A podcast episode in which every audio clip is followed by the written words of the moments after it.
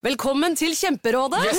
Denne gangen har vi fått inn et kjempedilemma fra en familie. Okay. Jeg leser Hei, vi er litt uenige i familien her. Mm. Hvis du skulle vært et dyr, ville du hatt gjeller eller vinger? Oi, den er tricky. Ja, hva ville dere hatt da? Altså, jeg vet ikke, men Med familierabatt får de ubegrenset data fra Telenor fra 399 kroner. Da kan de jo scrolle seg til svaret, rett og slett. Ja, ok, Men for min del Ja. gjeller. Nei, nei. Nei. nei, vinger. Nei, nei, gjeller. Ja, okay, ja, kjempebra. Men eh, se nye mobilabonnement på telenor.no, da.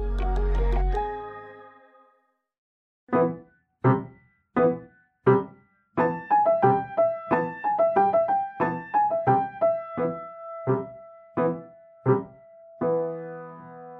og velkommen til podkasten Frilanslivet. En podkast av meg, Hanna von Bergen. og meg, Kristina Skreiberg. Hanna er kulturentreprenør, og jeg er journalist og fotograf. Og begge jobber vi med mange forskjellige prosjekter. Og vi er veldig glad i å snakke om hva det innebærer å drive for seg selv, og om det å skape og kraften som ligger bak. Og derfor lager vi denne podkasten, og vi håper du har glede av den.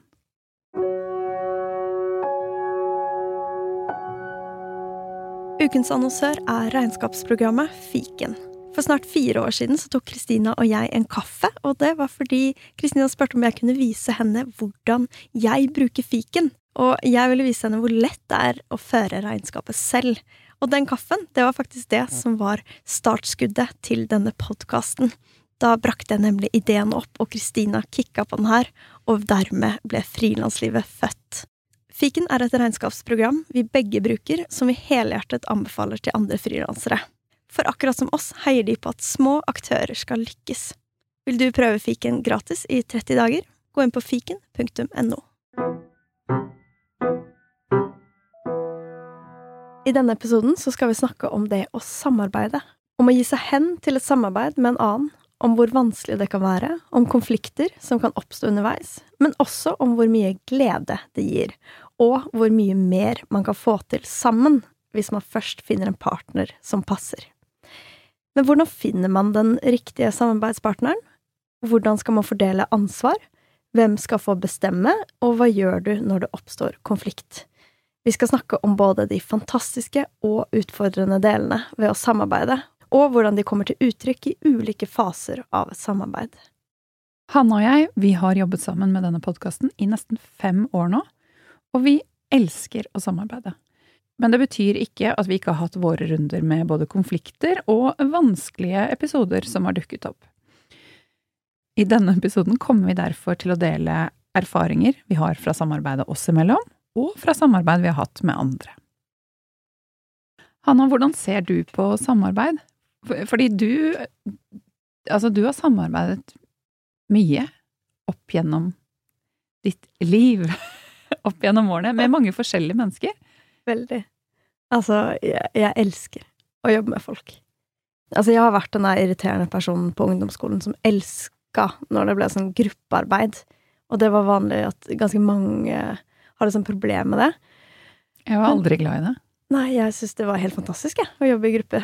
Og det har jeg gjort siden. Jeg har alltid eh, foretrukket det som en sånn arbeidsmetode eller måten å jobbe på. Og såpass mye at jeg er ikke så hypp på å gå i gang med et prosjekt hvis ikke jeg finner meg en samarbeidspartner. Sånn at eh, nå så frilanser jeg primært med egne prosjekter, og i alle de prosjektene så har jeg eh, en annen som jeg jobber veldig nært med. Slik som vi også gjør i denne podkasten. Altså Med samarbeid så Det er så mye jeg liker med det. Det er nesten litt vanskelig å sånn, vite hvor jeg skal starte.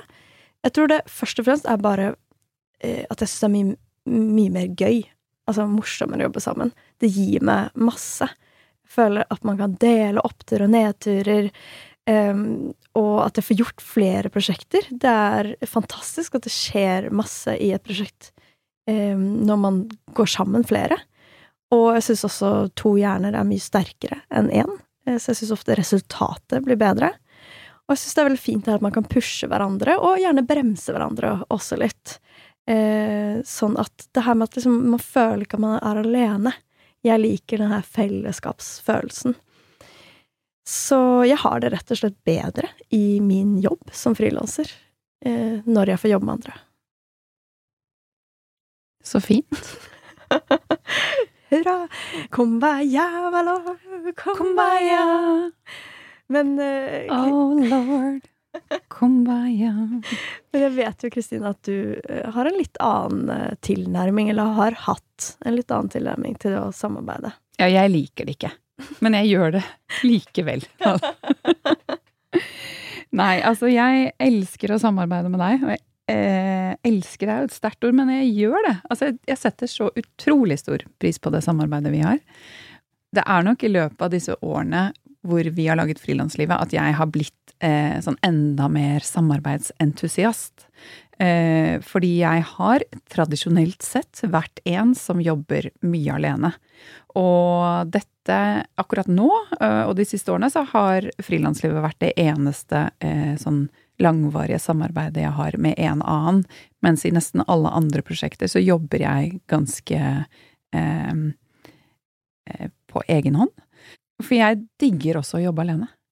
Jeg syns det kan være så deilig å bare få lov til å gå i gang eh, når det passer for meg, og få bestemme selv, og ikke få så mange innvendinger, og eh, også opp igjennom det som kanskje har holdt meg tilbake, er det at man eh, at man kan bare gjøre det helt sitt. Eh, det blir mitt uttrykk, det blir sånn som jeg vil, og det tror jeg mange kan kjenne seg igjen i, fordi man jobber jo ofte med noe, et eller annet som man skaper, og så har man veldig mye eierskap til det, og et ønske om at det skal bli på en viss måte.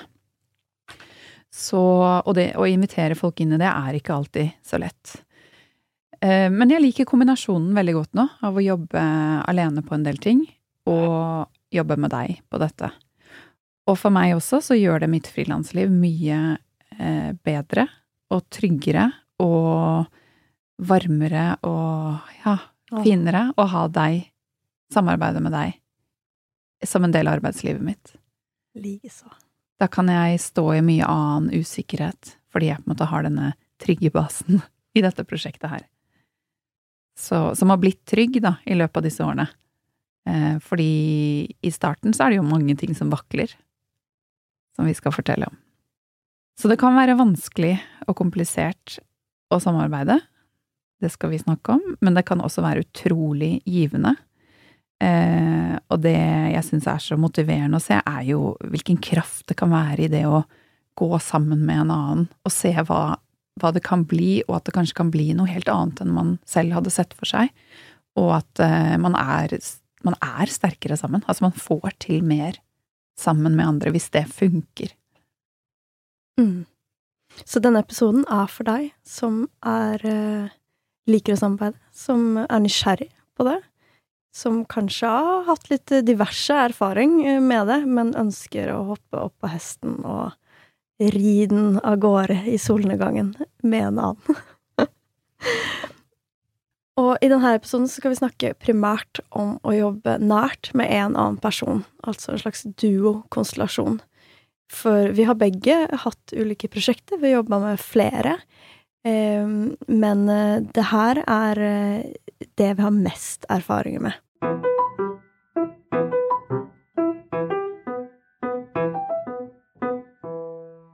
Så la oss snakke litt om startfasen av et samarbeid. Ehm, det er jo mye som kan holde folk igjen fra å samarbeide. Men det er sjelden noe som holder deg igjen, vel? For du, lø- du løper, løper. løper rundt for å finne folk å samarbeide med. løp med åpne armer. Hvor er dere? Hvor er dere? Mens jeg sitter med armene i kors. Hvorfor sitter du med armene i kors, Kristine?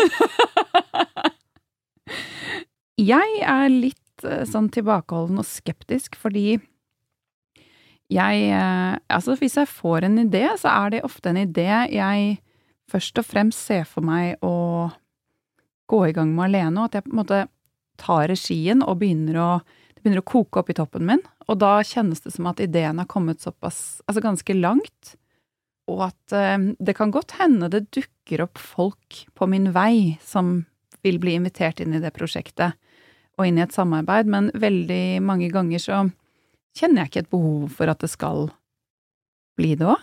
Jeg, jeg syns det kan være veldig gøy å få gå i gang på egen hånd. Og jeg har absolutt drevet frem mange store prosjekter, men heller invitert folk inn i deler av prosjektene hvor de har ansvar for for f.eks. layouten av en bok, eller ehm, ja eh, åpningen av en utstilling, eller altså at, at, at de kommer inn, men ikke at det, prosjektet blir deres, nødvendigvis. Mm. Og nå har jeg gått i gang med et nytt prosjekt som, hvor det har gått og kokt opp i toppen i et halvt år. Men det har ikke slått meg at jeg skal gå ut og finne en og gjøre det med. Men etter hvert så kommer jeg til å invitere folk inn, men mer at de eh, jobber i prosjektet og blir lønnet av prosjektet, men at jeg driver det. Men man vet aldri, kanskje jeg møter noen, og jeg tenker woho, der er du. Den perfekte partner inn i dette prosjektet. Det eh, Jeg er åpen for det, men jeg leter ikke etter det. Mm. Det, det er litt min holdning til samarbeid. Um, men jeg har samarbeidet med én før deg, og det var da jeg bodde i London så, og var student der, og så fikk eh, jeg og en studievenninne en idé om å starte et magasin, og den ideen satt jo vi og snakket om på bar mens vi drakk øl, og da startet vi jo på likt med den ideen, og det ledet til et to år langt samarbeid og mange magasinutgivelser og eh, som var fantastisk. Et nydelig samarbeid. Eh, så det kan skje, men eh, det er nok uh, Ja, jeg er like åpen for å bare gå i gang. Og jeg syns det er gøy å jobbe alene òg, jeg. Mm. Det er helt Det er greit. Det er Ja. helt innafor. Fordi ofte når man går i gang med prosjekt, så kan jo det skje på veldig mange ulike måter. Enten så har man jobba veldig lenge med noe, eller har en veldig tydelig idé, og så kobler, kobler man på andre folk. Som du sier at ja, men du er kanskje prosjekteier, og så hyrer du kanskje inn noen andre på frilansbasis. Og det kan jo bli en veldig nær samarbeidspartner, men da er det ikke Dere er ikke likestilte i det samarbeidet. Eh, Og så bærer jo jeg da all eh, risiko og ansvar. Så det syns jeg jo er utrolig deilig med dette prosjektet, at vi deler på det. Så det er mange ulemper ved å også gå for alt alene. Helt klart. Mm. Og det er jo det her med hvordan finne rett person som kan være veldig vanskelig. Hvordan finner man de her personene å jobbe med? Og her vil jeg jo si at jeg har masse erfaring, da. Nei, jeg, Jeg skjønner ikke hvordan du har funnet alle de du samarbeider med. jeg syns det skjer veldig random også. Fordi som du og meg, da, for eksempel. Vi har jobba sammen i Pecha som er et event fire ganger i året i Oslo. Et slags foredragsevent, kulturevent. Og var jo ikke veldig nært hverandre. Litt mer som bekjente kollegaer. Det var hyggelig å jobbe sammen. Og det var jo egentlig først når du spurte om jeg kunne ta en kaffe, og liksom lære deg litt mer om fiken, regnskapsprogrammet. Deilig. Shout-out også til annonsøren vår, Fiken. Det, jeg var jo veldig nerdete, eller jeg er veldig nerdete på sånne ting, og syntes det var kjempegøy at du spurte, og tenkte yes. Og den nerdete siden oppdaget jeg da vi var på en reise i Wien med Pecha Kucha-gjengen. Og så tok vi en runde rundt bordet hvor alle skulle fortelle om en litt sånn side av seg selv som kanskje ikke var så åpenbar. Eh, som er en veldig gøy eh, lek å gjøre. Og da fortalte du at du var supernerdete på systemer og lister og eh, ja. Og da så jeg deg i et sånn nytt lys, og jeg bare ah, Hun òg! Jeg elsker sånt! Så da plutselig liksom fikk du en sånn stjerne i min bok. yes. Ja. Og derfor inviterte jeg deg til den kaffen. Mm. For jeg tenkte at dette liker hun. Mm, Dette ja, syns hun er gøy. Det var Ja. helt korrekt. Og det var jo ut ifra den kaffen at jeg tror jeg nevnte at jeg hadde gått liksom, og tenkt på en idé som var å starte denne podkasten i kanskje et års tid. Ganske lenge. Men eh, jeg var ganske klar på at jeg ikke hadde lyst til å gå i gang før jeg fant noen å gjøre det med. Og så var det jo egentlig det at du kicka veldig på ideen. Eh, Begynte å skrive ned masse på liksom ulike ark. Du gikk hjem og liksom strukturerte notatene og kom tilbake til meg og var sånn 'Dette har jeg tenkt. Jeg har lyst til å gjøre det. La oss liksom sette oss ned og se hva som kan komme ut av det'. Og her tenker jeg at det er to veldig viktige poenger. Altså sånn det å fortelle, tørre å fortelle ideen sin høyt til folk. Og være litt sånn Jeg nevner det, og så ser vi eh, hva som skjer. Eh, og det når man ser da at noen bringer energi, eller tar det et steg videre, eh, så ser man at her er det et engasjement, eh, og det blir mer enn en idé, da. Nå begynner det å konkretisere seg litt. Eh, det kan være veldig gøy og et godt tegn på at ja, altså du kanskje har møtt noen som eh, Ja, hvor prosjektet kan ta en vei. Men eh, bare litt tilbake til det der med å være eh, At du lett møter folk. Eh, det tenker jeg Det kan kanskje handle om at du sier Du forteller gjerne om ideen din til folk, Mm. men du har nok også på en måte at du er åpen for at folk skal kunne komme til. Du har på en måte flagget ditt litt ute. Ja, veldig. Fremfor meg som stort sett, stort sett egentlig ikke kikker så veldig på andres ideer før din. Eh, og er litt sånn Jeg har mange av mine egne ting som jeg vil holde på med, og har, har hatt litt nok med mitt, på en måte. Eh, og da har jo ikke jeg mitt eh, tommelen ute, på en måte. eh, har ikke ute. Og er egentlig ikke så veldig åpen for det. Og det er jo veldig inspirerende å høre at det har noe å si. At hvordan du går ut og møter verden, det, det, det kommer tilbake til deg, da. Ja, og det kan være veldig sånn Det er mange eksempler på ulike prosjekter. Jeg husker når jeg ble permittert eh, som bookingansvarlig eh, da i mars 2020, em, så snakka jeg med en bekjent av meg som bare var litt sånn shit, uh, rar periode. Vi, jeg tror vi bare tok en sånn Zoom-prat for liksom bare sjekke inn litt, og var sånn ok, nå har vi begge ingenting som skjer, fordi vi har mista alt av oppdrag og ting vi driver med. Kanskje vi skulle gjort noe sammen. Så det, ofte så kan det bare oppstå litt sånn Nå har vi begge tid, vi har begge lyst. Og da Jeg syns at det er viktigere. At begge er gira på å gjøre noe sammen, og gjøre kanskje denne spesifikke ideen, enn akkurat sånn kompetanse og eh, Jeg syns at det blir sekundært, faktisk. Så jeg har ofte gått i gang med masse ulike folk på ulike prosjekter, eh, fordi vi begge har møttes med en slags sånn felles glede, da, eller engasjement over å ville gjøre noe. Og man trenger ikke Det trenger ikke være en relasjon hvor man fra start tenker at dette mennesket her vil jeg gjøre noe stort med. Altså, vi to hadde jo uh, hatt en arbeidsrelasjon over flere år uten at vi noen gang tenkte at vi skal drive en podkast sammen en dag, og den skal vare i fem år, pluss, pluss, pluss, altså, og mange år til, uh, håper vi. Uh, altså, sånt kan på en måte uh, Altså, det kan være mange mennesker i ens omgangskrets som plutselig kan vise seg å være en man kan samarbeide med, fordi man kikker på noe av det samme. Ja, og det kan være fremme, da, et prosjekt jeg gjør nå. Der så ble jeg kontakta fordi hun jeg jobber med, hadde funnet meg på nettet. Og så sa hun 'oi, så gøy at du har gjort de her prosjektene'. Jeg har lyst til å liksom gjøre noe eh, lignende. Eh, kanskje vi kunne tatt en prat? Og så eh, så pratet vi, og så tenkte jeg sånn Jeg har skikkelig lyst Jeg har også godt tenkt på at jeg har lyst til å gjøre noe eh, rundt det her. Og så pratet vi mer og mer og mer, og så balla det på seg og ble et stort prosjekt. Sånn at eh, jeg tror, ja, jeg tror veldig at jeg har, er veldig sånn åpen for ulike typer samarbeid med ulike typer folk. Mm. Mm, ha radaren, radaren åpen. Mm. Mm. Men der tenker jeg du også er god på å invitere folk inn. At du, intensjonen for deg er at du har lyst til å invitere noen inn. Um, så du deler. Ja. Du forteller, og du deler, og Og ofte med en, et ønske om at det skal være ganske sånn likestilt prosjekt. Em, og jeg tror at det som har gjort det litt sånn lett for meg å gå i gang, er fordi at det ikke, jeg har ikke tenkt sånn øh, nødvendigvis at nå skal vi starte en business som øh, vi skal investere alle våre penger og jobbe fulltid med de neste ti årene. Fordi da blir, da blir risikoen så utrolig stor. Men øh, jeg har tenkt sånn, ok, vi lager en podkastserie på seks episoder, eller vi gjør det her eventet sammen eller vi gir det noen måneder og lager en test.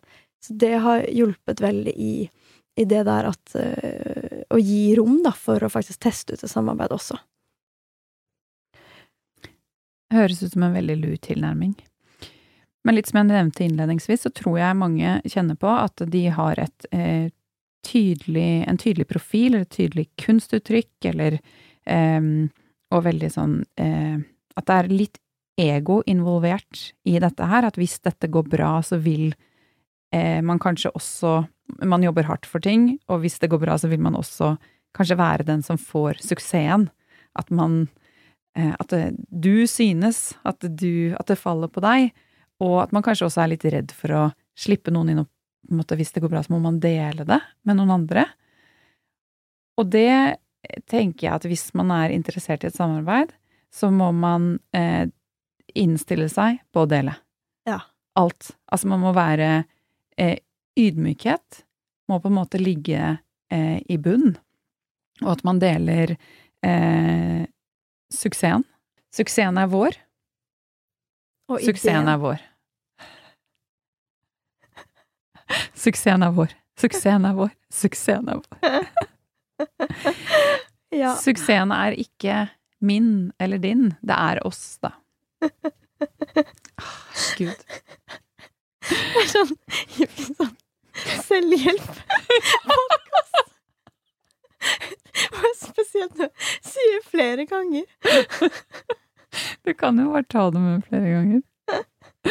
Oh. Og, og her kommer vi litt inn på det her med ideen. Eh, for her tror jeg det kan liksom gnisse litt. Min tilnærming er at ideen er ikke verdt så mye. Jeg syns at det er utførelsen som er verdt absolutt, absolutt mest. Og jeg tror det er veldig viktig, sånn som med podkasteksempelet, da, så har jeg gått og tenkt denne ideen, men så fort du har blitt med, eh, og vi har liksom etablert at det her skal vi gjøre sammen, så tenker jeg at da er det veldig viktig å gi slipp på hvem som kom med ideen, for det er egentlig ikke rele relevant. Hvis du ønsker at det skal være et likestilt samarbeid, hvor du og den andre personen skal eh, ja, dele Putte inn likt, få ut likt, dele innholdet Altså alt. Da er det veldig vanskelig hvis du hele tida skal dra fram en sånn idé, trumfkortet, og si ja, men jeg kan egentlig bestemme litt mer, for det var jo min idé. Der tenker jeg at der, der må du bare Det må du gi deg på. Hvis du tenker sånn. Fordi du tenker ikke sånn i det hele tatt. Nei, fordi jeg, det er jo ikke det å lage en podkast om liksom det å frilanse er en sånn wow, der liksom Da trenger vi ikke gjøre noe særlig jobb, fordi det, ideen er så fantastisk. Og sånn syns jeg ofte det er med ideer. At det kan være veldig gode ideer, og viktige ideer, og kanskje ikke så mange har tenkt på det, men det aller viktigste er jo hva du klarer å gjøre ut av ideen. Um, og det er veldig vanskelig å slippe inn flere folk. Jeg tenker det hadde vært kjipt for deg, da, hvis du hadde følt at jeg tenkte at jeg eide det her prosjektet mer enn det du gjorde, fordi at det var jeg som hadde kommet på ideen. Og som jeg nevnte, så er det jo mange ganger at jeg ikke tidligere har kicket på andres ideer. Og det tror jeg nok handler litt om at jeg ikke har heller fått følelsen av at jeg ville få eh, et likeverdig eierskap til ideen. Mens med deg så, så fikk jeg med en gang en følelse av at dette er, et, et, dette er felles. Eh, dette er eh, på en måte velkommen inn. Eh, så det er du veldig god på. Takk. Det Og, men det er ikke så lett. Nei. Fordi du kunne jo ha hatt denne ideen ganske tydelig for deg om hvordan dette skulle bli, og så har det blitt helt annerledes enn det du så for deg. Men samtidig er det kanskje ikke sånn at du nå, fem år senere, sitter og tenker pokker, altså, at vi inngikk dette samarbeidet, for jeg så for meg noe litt annet. Ja, jeg tror min erfaring er det motsatte. At det er ofte blir det mye bedre enn det jeg så for meg, eh, når jeg har involvert andre. Så Spesielt Kristina. Spesielt deg, Mm. Kristina. sånn at eh, Nei, jeg har liksom det Og jeg tror det også Så klart, hvis man har en motsatt erfaring, hvor man Kanskje det ble noe skikkelig annet enn det du ville, så kan man jo ha kanskje litt andre følelser rundt det her. Men eh, Men da kan man jo fortsette med grunnideen, egentlig. ja, og gjøre et annet prosjekt. Ja. med en annen. ja.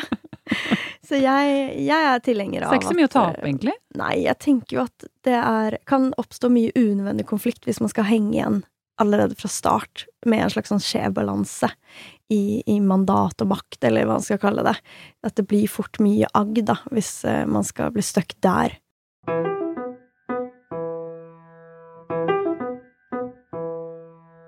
Ja, så har man kanskje møtt noen da som kicker på den ideen. Eh, da tenker jeg det kan være lurt å ha en prat om Hvis nå intensjonen fra begge parter er at yes, vi har lyst til å gjøre noe sammen, en prat hvor man eh, snakker litt om eh, hvilke rammer man har lyst til å jobbe under, og kanskje hvilke forplikt, eller hva man forplikter seg til eh, innenfor det prosjektet. Og vi ganske tidlig begynte å snakke om at eh, vi vet ikke helt når denne podkasten skal lanseres, men vi setter av tid til å jobbe med podkasten. Og vi ble enige om å sette av én dag i uken, at det var det vi, det vi begge hadde tid og råd til å investere i det prosjektet.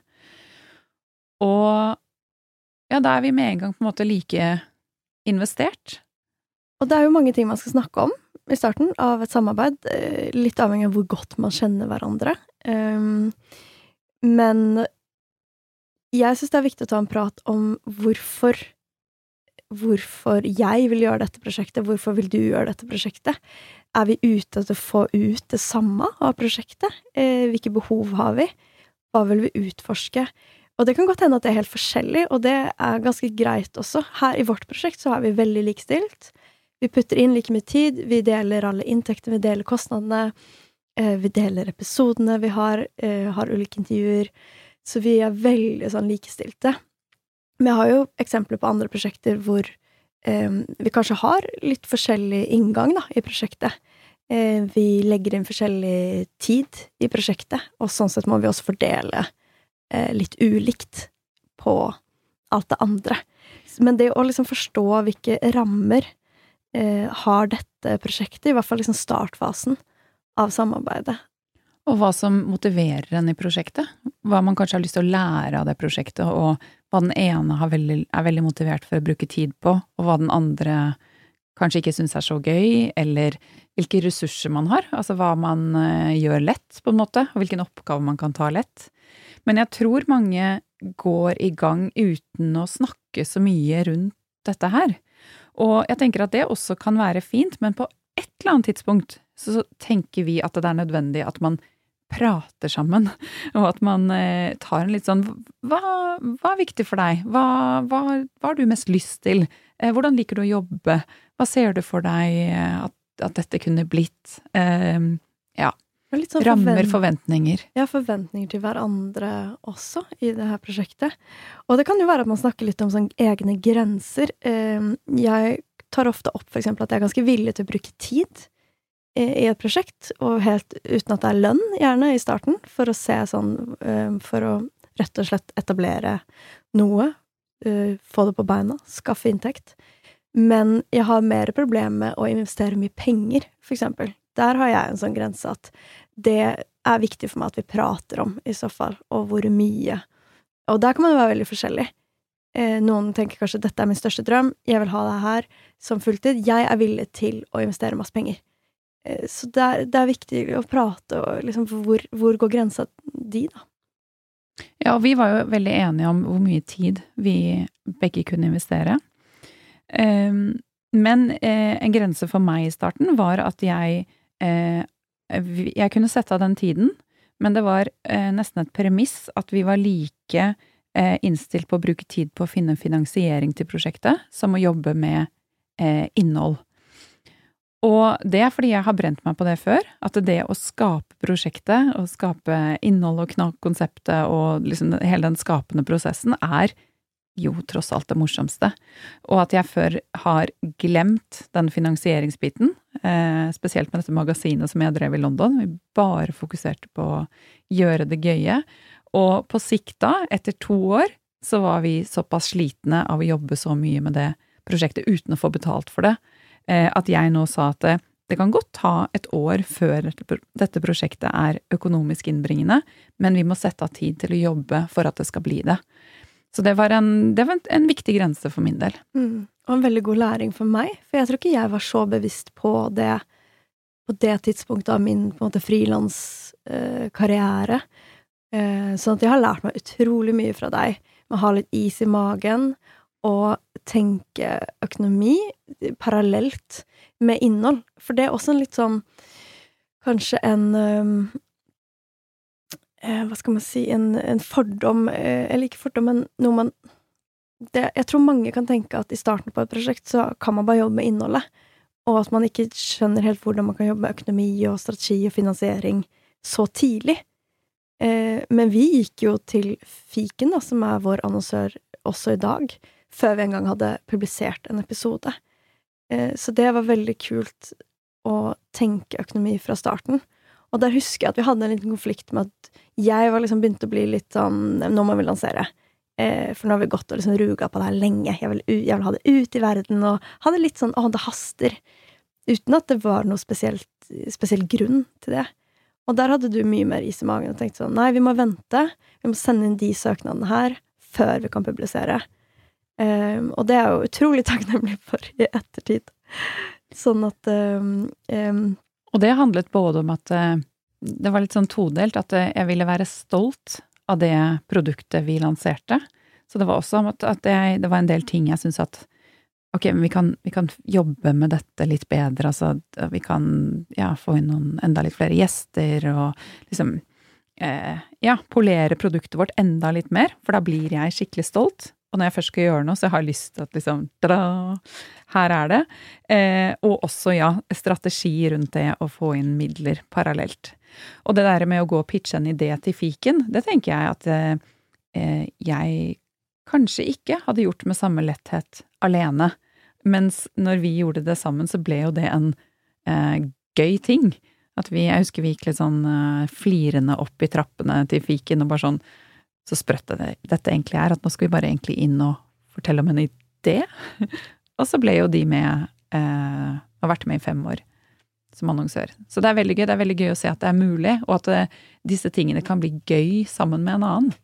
mm, Men det, det kan lett bli sånne små, altså, små eller store konflikter når man vil i litt forskjellige retninger, og den ene kanskje er vil, vil kjøre mye mer på, eller er mer utålmodig, eller vil sette av veldig mye mer tid, mens den andre kanskje sånn bygger sten på sten og er liksom Ja, har sånn mer tålmodighets... Eh, eh, tålmodighetsapproach da, til prosjektet.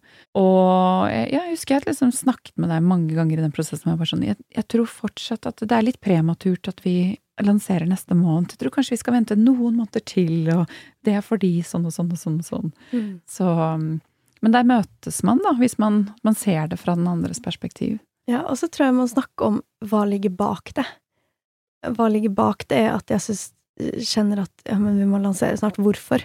Hvorfor er det viktig? Eh, og jeg var jo litt redd for at vi skulle liksom miste momentum. At det skulle liksom dabbe av litt, om man ikke kunne liksom jobbe mot Hvis ting ble utsatt hele tida, så var jeg redd for at liksom energien skulle forsvinne litt, husker jeg. Og i andre prosjekter så har det kanskje vært mer at jeg syns det er viktig å gå ut og faktisk teste, for å vite om det er verdt å jobbe videre med. Eh, så ikke man sitter og ruger i evighet, og så kanskje du hadde lært masse ved å bare gå ut og eh, ha det eventet, eller lansere den greia, eller gjøre en pilot av et eller annet. Så um, Så det er helt klart en balansegang her. absolutt. Ja, Og veldig viktig å prate sammen. Veldig, veldig viktig. Det tror jeg vi kommer til å komme tilbake til veldig mange ganger Hæ? i løpet av denne praten. What? Eh, og så er jo dette med å fordele ansvar. Eh, og hvordan skal man egentlig fordele ansvar? Eh, er det ut ifra det du har jobba med før? Det du syns er mest gøy? Skal man, hva, hvor mye tid skal man bruke? Ja, så det, og der har jeg veldig forskjellig type erfaring også fra ulike prosjekter. Så i podkasten så deler vi veldig likt, og er liksom inne i hverandres områder av prosjektet. At jeg kan skrive en kladd til en søknad, og så kan du videreutvikle på den søknaden. Vi lager pitcher sammen. Jeg eh, Eller ja, jeg spiller inn en episode og klipper den, og så lytter du på den og kommer med tilbakemelding. Så vi er liksom i hverandres eh, greier hele tida. Og det syns jeg er veldig gøy, Ja, egentlig. jeg er enig. Alt ligger på en sånn felles drive, hvor vi går inn i, inn i hverandres dokumenter og jobber videre på hverandres tekster og eh, fullfører hverandres setninger. Nei da, men at det blir, eh, det blir så veldig sånn eh, dynamisk, og at man eh, Ikke noe er mitt. Det er alt. Alt er delt. Og til og med mailer som kan være viktig for oss. Eh, at det er eh, Ja, det er viktig at denne mailen blir bra. Hvor du kan starte på den, og så kan jeg fortsette på den, og så kan du fortsette igjen. Altså, det, det er veldig gøy, men man må legge da veldig mye av sin sånn Dette har jeg skrevet. Eh, vekk. Hvis man vil jobbe på den måten. Ja, det er litt sånn øvelse i å legge bort egoet. Og vi har hatt noen runder på det her også, hvor vi har kanskje vært litt sår på noen ting som er blitt endra på, og så har, liksom, har vi snakka litt om hvorfor er det, hvordan kan vi gjøre det, og, og på en måte Det her tar tid, da, å, å komme gjennom det. Eh, Og finne frem til den dynamikken der, ja. ja, og at det funker, og, er, og man bare ser på styrkene til hverandre, og hvordan det kan bli mye bedre når begge sitter og jobber med det sammen. Ja. Og at det blir bedre uten at man tråkker på hverandre Mm. av den grunn, men at man heller tilfører, og den andre får lært noe nytt i prosessen, eller og, og, Ja, og at det er på en måte gøy å være sammen om det. Mm. Og så har jeg andre prosjekter hvor vi har en helt annen type fordeling. Eh, hvor jeg kanskje jobber med markedsføringen og regnskapet, og så gjør eh, den andre personen kanskje produksjon, eh, kontakt med venue, altså sånn at vi har veldig tydelige adskilte områder. Men gjerne holde hverandre litt i loop, men ikke såpass at alt går gjennom hverandre. Men det kan være at de viktigste avgjørelsene, det tar vi i plenum. Eh, Men det har passet det prosjektet kjempebra. Eh, Så der må man også finne litt sin form. For det er ikke helt noe rett eller galt på hvordan gjøre det. Og eh, noen ganger så må man jo også bare gi fullstendig slipp, og la den andre bare eh, gå i gang og gjøre et eller annet, eller å sende inn denne viktige posten, hvis man selv ikke har mulighet til å på en måte gå inn og være med på den prosessen. For det kan jo være at jeg er bortreist eh, i noen uker, eller jobber intenst på et annet prosjekt, og at vi har pauset på en måte frilanslivet-jobbingen en liten periode, som skjer stadig vekk, at vi begge gjør. Eh, Fordi vi, vi trenger den fleksibiliteten i frilanslivet vårt. Og da må jeg også være helt innforstått med at hvis det skjer viktige ting i frilanslivet da, og Hanna kanskje har prøvd å få tak i meg, men jeg har ikke rukket å svare eller se over eller lese, så er det liksom Hun har fullt liksom mandat å bare gå i gang, og, eh, og det handler jo også om at man da bare At man må stole på den man er i prosjektet med. At det, det er bedre at det noe skjer, at det blir gjort, og det er fantastisk at ting skjer og blir gjort uten at jeg eh, nødvendigvis er med på alt. Når du samarbeider, så kan ikke alt bli gjort på den måten som du hadde gjort det på. Fordi den andre personen kanskje foretrekker å gjøre det på en annen måte, eller ha en annen stil. Gjør det på Ja, kanskje noe mener du at blir dårligere, noe blir kanskje bedre. Men det er en av de viktigste tingene med å samarbeide, syns jeg, er å liksom slippe den andre inn og si at kjør på, gjør det her på din måte. Eh, jeg heier på deg. Ja, og det er jo en øvelse i å gi eh, slipp, og la den andre få komme frem og opp og frem, og, eh, og se måte det store bildet, og eh, se på en måte hva er viktigst i prosjekt, prosjektet. Det er ikke viktig at man får viljen sin hele tiden, eller at det blir akkurat sånn, eller at det, eh, Noen ganger er det veldig viktig, og da kan man velge sine kamper, og andre ganger så er det egentlig ikke viktig at man tenker, vet du hva, denne her denne gangen gjør Hanna det sånn som hun ønsker. Ja, den- Eller denne gangen intervjuer hun denne kjempekule gjesten. Det kommer en eller annen kul gjest. Jeg skal intervjue en annen gang. Altså at det bare senker skuldrene litt. At det er ikke liksom på liv og død på alt som skal skje. Men det som har vært en eh, Altså dette har vært en lang prosess for oss, hvor vi har snakket om sånne små ting som kanskje har knirket litt. Um, og at vi tar det hver gang. Um, men en ting som har vært veldig smart å gjøre for vår del, er f.eks. at vi har utviklet en visuell profil, som vi har brukt masse tid på å utvikle, med en fargepalett, eh, og at vi da eh, er innforstått med at dette her er prosjektets farger, på en måte, eller prosjektets rammer. Det kan jo være hva som helst, eller om det er eh, musikkjingler, eller om det er eh, fonter man velger å bruke. Eh, men at man har en sånn verktøykasse som vi begge er enige om at eh, tilhører prosjektet. Så da er det mye lettere å på en måte ja, steppe tilbake og la den andre boltre seg, og begge har frie tøyler fordi man bruker av den forhåndsbestemte verktøykassen, fremfor at eh, det plutselig på en måte kommer noe helt nytt, eller vi, eh, vi ser helt annerledes ut i ja, et eller annet. Mm. Altså at, at, at, det blir Ja, det kjennes oss, da. Det tror jeg er veldig viktig, for det er der veldig mye konflikt kan oppstå. At eh, jeg har en veldig sterk mening om et område, og så har du en sterk mening om en annet, eller kanskje vi har det om det samme. Eh, og det kan jo være hvordan det ser ut visuelt, eller hvordan markedsføringen er, hvordan man skriver, hvordan tonen er i teksten, eh, hvordan man intervjuer, eh, grammatikk det kan være i Altså, det kan være på så mange områder. Alle disse tingene her har vi diskutert. Ja, og vi diskuterer Og jeg tror det er det som kanskje er overraskende. Sånn, vi diskuterer virkelig ned i veldig, veldig små detaljer. Ja. Eh, Sitter og grømmes. og jeg tror man må det. Det tror jeg også. Og det handler om at begge har veldig sterke meninger og veldig mye drive i det prosjektet. Som jeg også ser på som en av de største styrkene for samarbeidet vårt. Helt klart. Eh, men det skaper jo også Fordi hvis du var litt sånn eh, det er ikke så viktig for meg, så kanskje du hadde vært sånn Jeg la han å bestemme på det og det og det og det. Um, men nettopp at vi begge ønsker at det skal være likestilt prosjekt, og begge har veldig mye meninger, så har det jo eh, bidratt til en del sånne diskusjoner om hvordan skal vi egentlig gjøre ting, og hvem skal få bestemme på hva, eller hvordan skal vi ta valg sammen. Og der har det her med rammer og slags sånn verktøykasse da, for hvordan vi gjør ting, vært veldig eh, hjelpsomt. Ja, å ha maler for ting, på en Mm. måte. Altså innenfor eh, ja, visuelt, tekster. eh, og det, sånn som vi har eh, noen maler for e-poster vi sender ut, eksempel, som vi bare kan tweake litt. eh, som er en sånn, dette er en beskrivelse av hva vår podkast er. Eh, og det er jo både tidsbesparende, men det handler jo også om at vi eh, det vi sender ut, er, kommer nokså likt fra oss begge. Eh, og så må det jo være rom for hverandres personlighet oppå der igjen, i tillegg. Absolutt. Men jeg tenker jo mer av de Det som kan oppleves som masse små ting vi har diskutert, jo mer har vi nå blitt enige om, og, vi har ryddet liksom den ene eh, lille konflikten og den neste ut av veien. Eh, og den, før vi gikk inn i studio her, så snakket vi om at eh, samarbeidet vårt flyter så godt nå.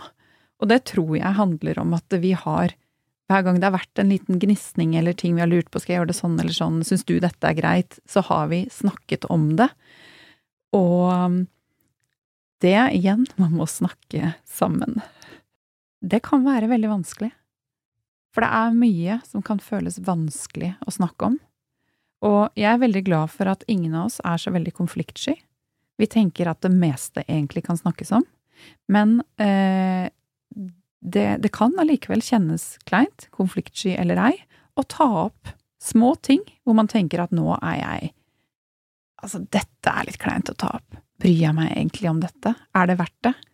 Skal jeg spørre Hanna nå om Du, jeg syns ikke det var helt greit at du gjorde sånn eller sånn. Den gusjegrønne burde vært litt mer eh, Lysere i tonen. Ja. Eh, det ordet staves ikke på den og den måten.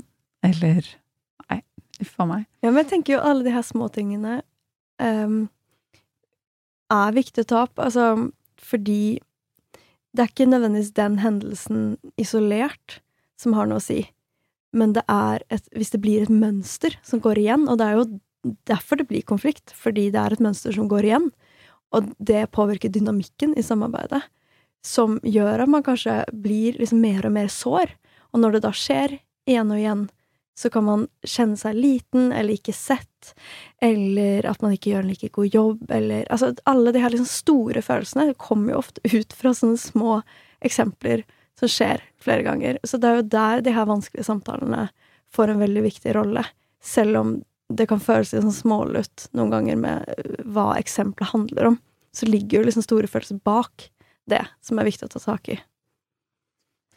Og der har vi jo hatt mye Vi har hatt mye store ting og mye små ting, som jeg tenker at de fleste lange samarbeid som går over veldig lang tid, eh, også får, da, naturlig. Ja, vi har ganske jevnlig sånn eh, form for evaluering av samarbeidet vårt. Altså sånn, hva, hva ser du for deg fremover, hva syns du er mest gøy med prosjektet vårt nå? Hva, er det noe du har lyst til å gjøre mer av, utvikle deg mer i, eh, og så. Og jeg tror det er mye lettere å ta imot eh, en vanskelig samtale eller en eh, tilbakemelding eller kritikk eller eh, eh, ja, alt som kan kjennes vanskelig, hvis man også blir heiet på i tillegg. Fordi det å rose hverandre og eh, ofte si til hverandre hva man syns den andre gjør bra, syns jeg også er superviktig. Altså da bare, jeg bare smelter når jeg får komplimenter selv, og jeg eh, syns det er også veldig hyggelig å gi det, og eh, på en måte tenke over hvor mye man setter pris på den andre, og si det til hverandre. Det, det øker på en måte den andres lyst til å være investert i prosjektet. Ja, Veldig. Det er skikkelig viktig, og noe vi har snakka om at, at man alltid kan bli enda flinkere på. Fordi det er jo ofte ting uh, som jeg tenker på hvis jeg sitter og klipper en episode du har hatt. Så kan jeg tenke 'Å, så fint det her var'. 'Oi, så godt spørsmål det var'. Um, og, da, og det å faktisk da også huske på å skrive det, og si det, er veldig, veldig fint. Og det syns jeg vi gjør, og det, da føler man jo at åh, det at jeg brukte tid og ja, investerer i dette prosjektet, det har noe å si for den jeg jobber sammen med. Og det blir sett, det blir verdsatt, og, og det er så viktig fordi veldig mye av det man skaper, det blir sendt ut til et eller annet publikum, og kanskje man aldri egentlig får høre det. Så det å høre det fra den lille gjengen man jobber sammen med, det løfter en veldig. Mm. Og hvordan, øh, hvordan skal man ta de her vanskelige samtalene? Jeg tror man, man må. Man må i hvert fall ta de. Mm. Men eh, så er det det der klassiske snakket om hvordan man selv føler det, fremfor å si at jeg syns du er så sånn og sånn og sånn. Eh, men det krever jo at man tør å være veldig sårbar. Og jeg syns jo alt i et samarbeid eh, krever det.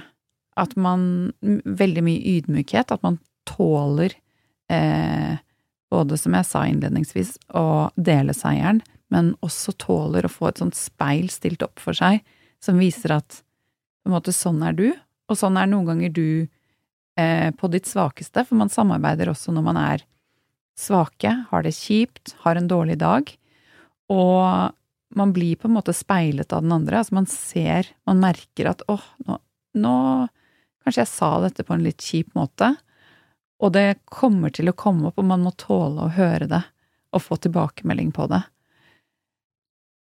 Så Men det er ikke verdens undergang å få høre det. Vi er bra folk likevel, selv om man kanskje var litt kjip med partneren sin en eller annen gang, eller sa noe feil, eller Men det at det ikke liksom gjentar seg og blir gnisninger, men at man får pratet ut om det, det har vi hatt veldig mye glede av. Og jeg kan jo nevne at um, vi har spilt inn denne episoden om dette temaet, altså om samarbeid. Vi har prøvd å spille den inn to ganger før. Og det, var, det har vært en veldig vanskelig episode for oss å lage. Veldig. Og det ledet til masse latter, men det ledet til enda mer tårer, fordi vi kom inn på ting som vi skjønte at det, Oi, dette har ikke vi snakket nok ut om på tomannshånd. Så vi måtte bare ok, vi, dette var et opptak som vi bare lar ligge, og dette her er noe vi må snakke om. For her er det tydeligvis noe som, her er det noe som kom, kommer opp som skurrer litt fortsatt. Og at vi kanskje, det var til og med ting vi følte vi hadde snakket ut om, men som fortsatt var litt sårt for en av oss. Eh, masse sånne ting, og det bare viser at det er det er krevende å komme til bunns i disse tingene, og at det er så Man kan lett bli så sår på ting, og det blir jo som en eh, et, Nesten som et kjærlighetsforhold. Altså at man Eller en veldig sånn viktig relasjon som man har veldig nært på seg, og eh, så man, man har noe man Man har en baby sammen, da, som er et jobbprosjekt. Så det Ja, så nå lager vi episoden for tredje gang og har klart å snakke om alle de andre tingene som vi da tenkte de tar vi oss imellom. Ja. Ja, og så snakker vi heller litt overordnet. Men det bare illustrerer at det er så masse ting, og det er ikke så rart at det blir det etter vi har jobbet sammen i fem år nå, at det er så mange ting som kan knirke litt, eller man kan føle på som man ikke visste at den andre følte på, eller at jeg gjør noe litt hver, hver gang hver dag, eller på hver episode vi jobber med, som hver gang kanskje er litt sånn øh, for deg, og så vet jeg det kanskje ikke. Og man må bare tørre å si det. Ja. Og jeg tror vi skal liksom slå hull på den der tanken om at et vellykka samarbeid er et eh, måte Konfliktfritt samarbeid. Ja, fordi eh, vi kan ha veldig Vi, kan ha, vi har hatt masse store konflikter og små konflikter, men også veldig, veldig mye som skikkelig fungerer. Sånn at eh, Og føler at samarbeidet vårt er skikkelig bra. Det er veldig mye givende i det å kunne reparere noe. Og eh, at man kommer nærere hverandre. Man skjønner mer av hverandre. Og eh, ja, relasjonen blir bare bedre, fremfor at man lar ting putre og gå og tenker sånn ja, men det er ikke så farlig, jeg trenger ikke å ta opp det, jeg trenger ikke å ta opp det. Som kan lede til mer likegyldighet. Og vi vil jo heller at vi er sånn ordentlig investert i det her. Selv om du kanskje en gang sier noe som jeg tenker å, fytterakkeren, så kjipt å høre, eller å nei, dette kanskje blir vanskelig fremover, eller Men uh, at man har en innstilling at man slåss litt for det, da. At man fighter litt for samarbeidet. Mm.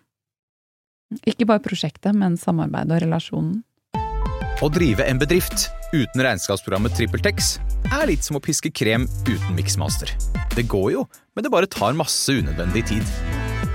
TrippelTex, det fleksible regnskapsprogrammet som forenkler hverdagen for over 100 000 fornøyde kunder. Prøv gratis på TrippelTex.no. Velkommen til Kjemperådet! Yes.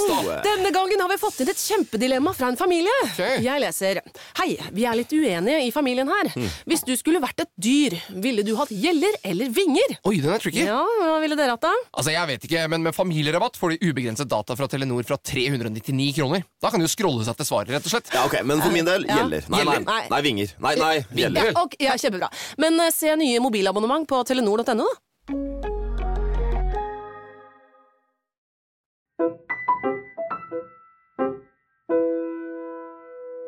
Og så er det en balansegang det her med hvilke kamper man skal ha, ta, om man skal ta alle kamper, og hvor sterkt er ditt behov. Og jeg husker jeg på et gruppearbeid i skolen eh, var i en gruppe hvor det var en som alltid hadde så sterke behov. Eh, så nei, vi kan ikke gjøre det på den måten, for jeg har et skikkelig sånn sterkt behov for at vi tar det litt rolig. Jeg har et veldig sterkt behov for at eh, vi gjør det her. Og da ble, til slutt var jeg bare sånn Jeg har et sterkt behov for at du bare ikke har et sterkt behov. bare, kan du bare skjerpe deg, liksom? Ja, og jeg, jeg samarbeidet med en uh, perifer venninne uh, som bor i London en periode. Og hun uh, jobbet ut fra sin egen menstruasjonssyklus, Mm. som jeg egentlig syns er veldig fascinerende. Jeg skulle gjerne tatt enda mer hensyn til min syklus og mine sånn instinktive behov selv. Skal utforske det litt, men ikke til de grader som denne venninnen gjorde. Fordi hun kunne bare Vi hadde et møte vi skulle i, eller skulle noe viktig. Skulle holde foredrag sammen, for eksempel. Så bare Samme morgen Du, vet du hva, jeg Det murrer litt i min mage. Og jeg vet at jeg får menstruasjon i dag, så det betyr at jeg nå må ta det rolig, og det passer ikke for meg å holde dette foredraget med deg i dag, fordi jeg får mensen. Det er jo så provoserende! Og da tenker jeg at eh, ja, du lar dine egne behov gå veldig foran eh, fellesskapet og prosjektet, og eh, og jeg tenker hvis man har Vi alle mennesker har alle mulige slags behov som må tas hensyn til når man jobber tett med noen annen i et prosjekt. Men man vet jo som regel eh, sånn cirka når man får mensen. Så jeg tenker da kan man jo kanskje heller si vet du hva, det kommer ikke til å passe for meg å legge det foredraget på den datoen. Fordi jeg vet sånn og sånn. Eller jeg er den typen som trenger eh, å jobbe 60% så jeg kan bare investere det i dette prosjektet.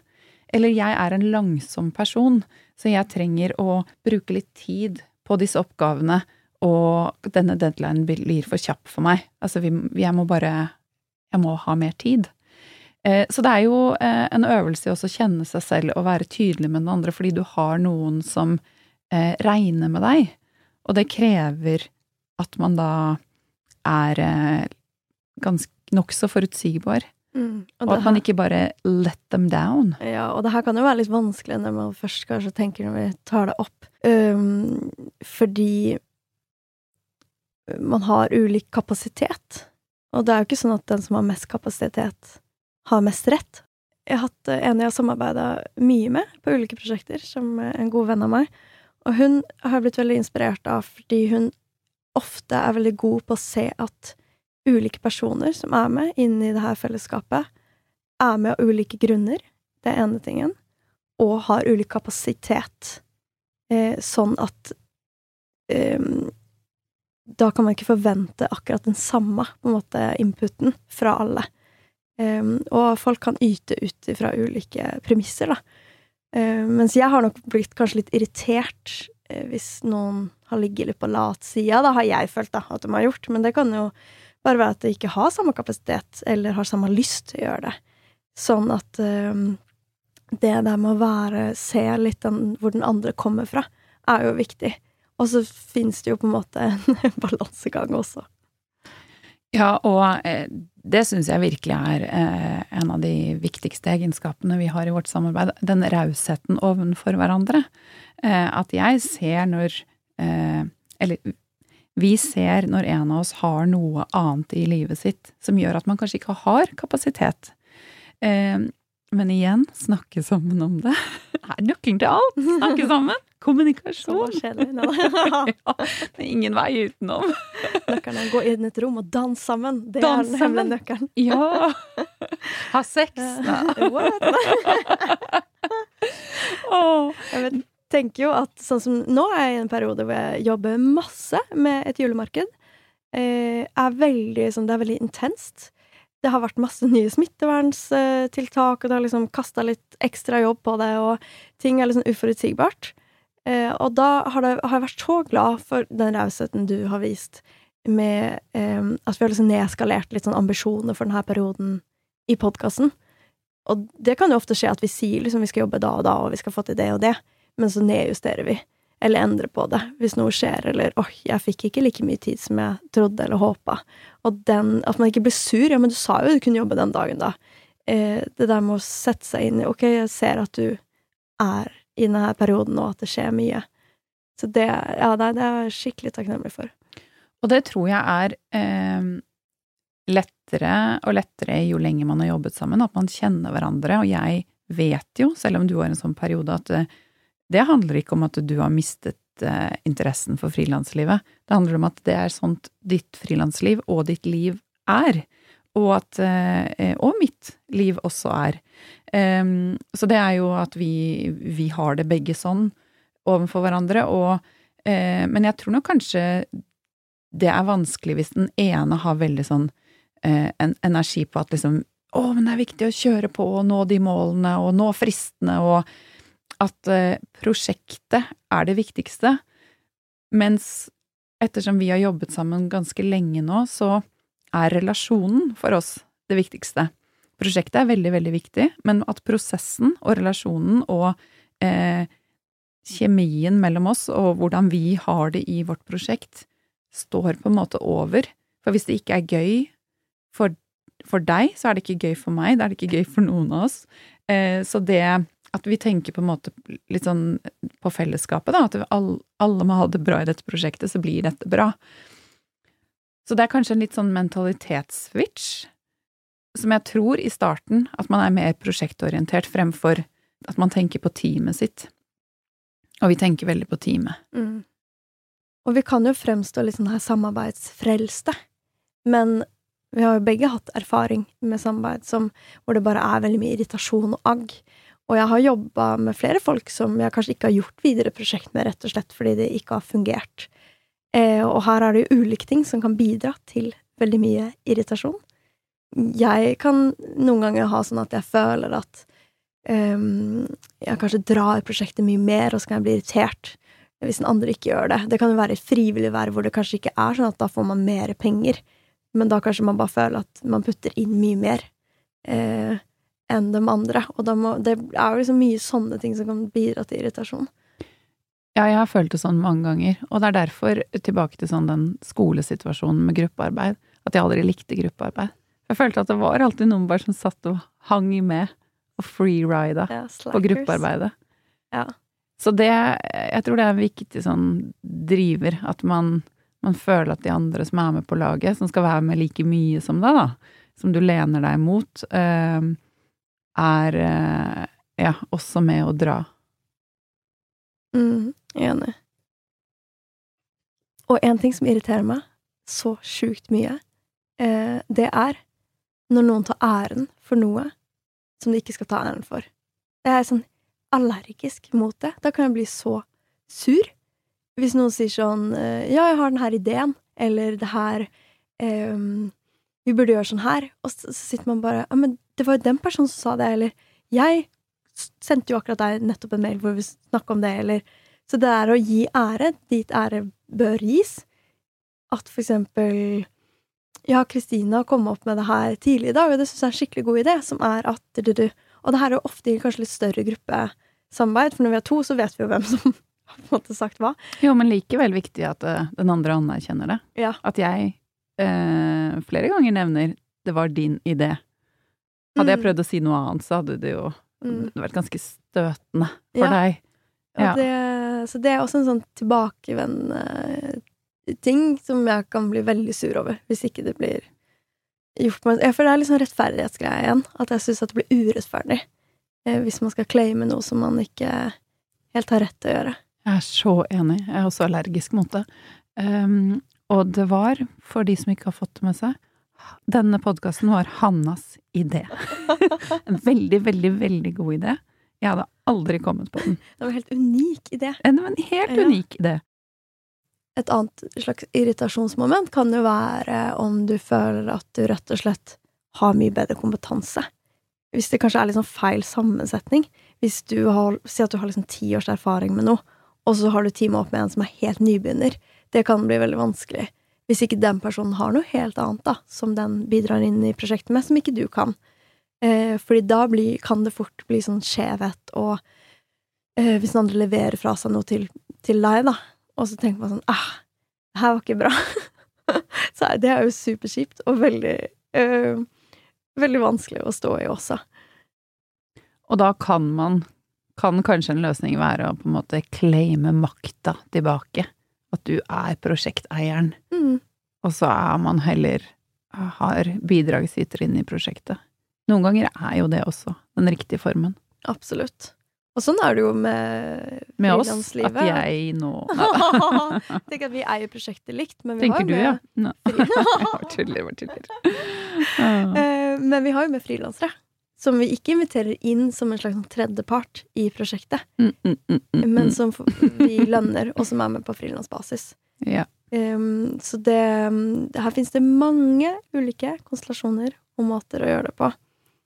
Men eh, vi vil bare anerkjenne også at det finnes veldig mye irritasjon, sinne, uh, aggresjon, Tårer. tårer i det å samarbeide. Og det er en Ja, det kan være skikkelig, skikkelig vanskelig. It's not the easy road. Nei. Nei. Nå som vi er innom litt av det som kan gå galt og bli vanskelig og um, All dritten.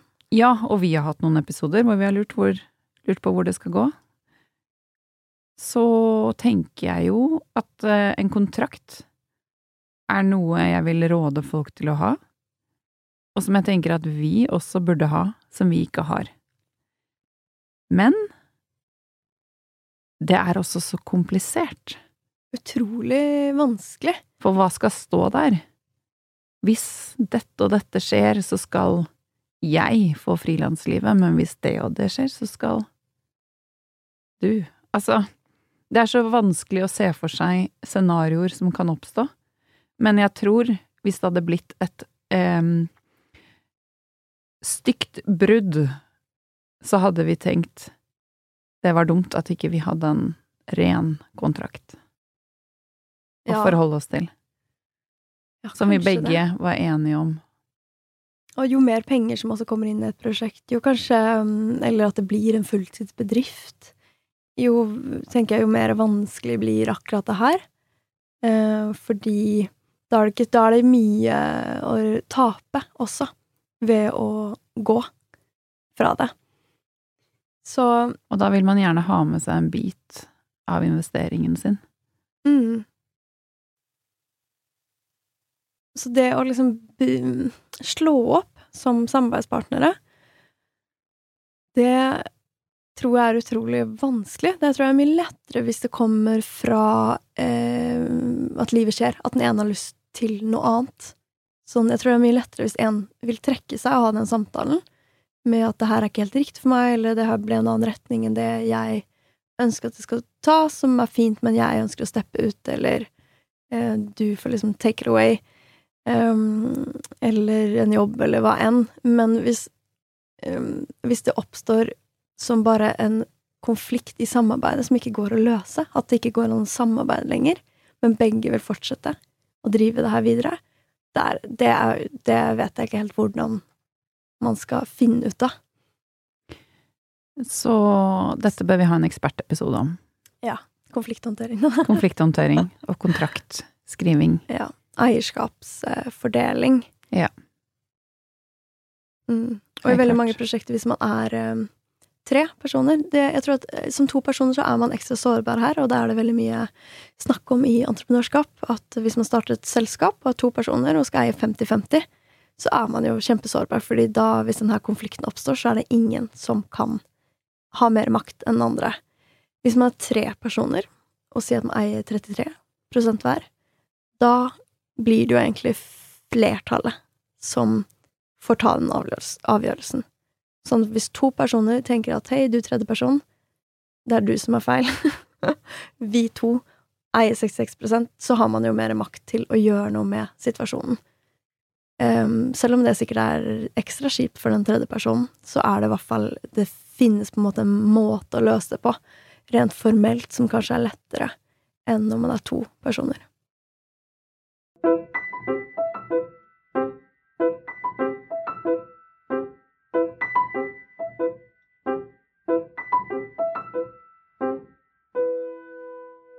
Og så er det jo sånn her når man samarbeider gjerne over tid, så skjer jo livet.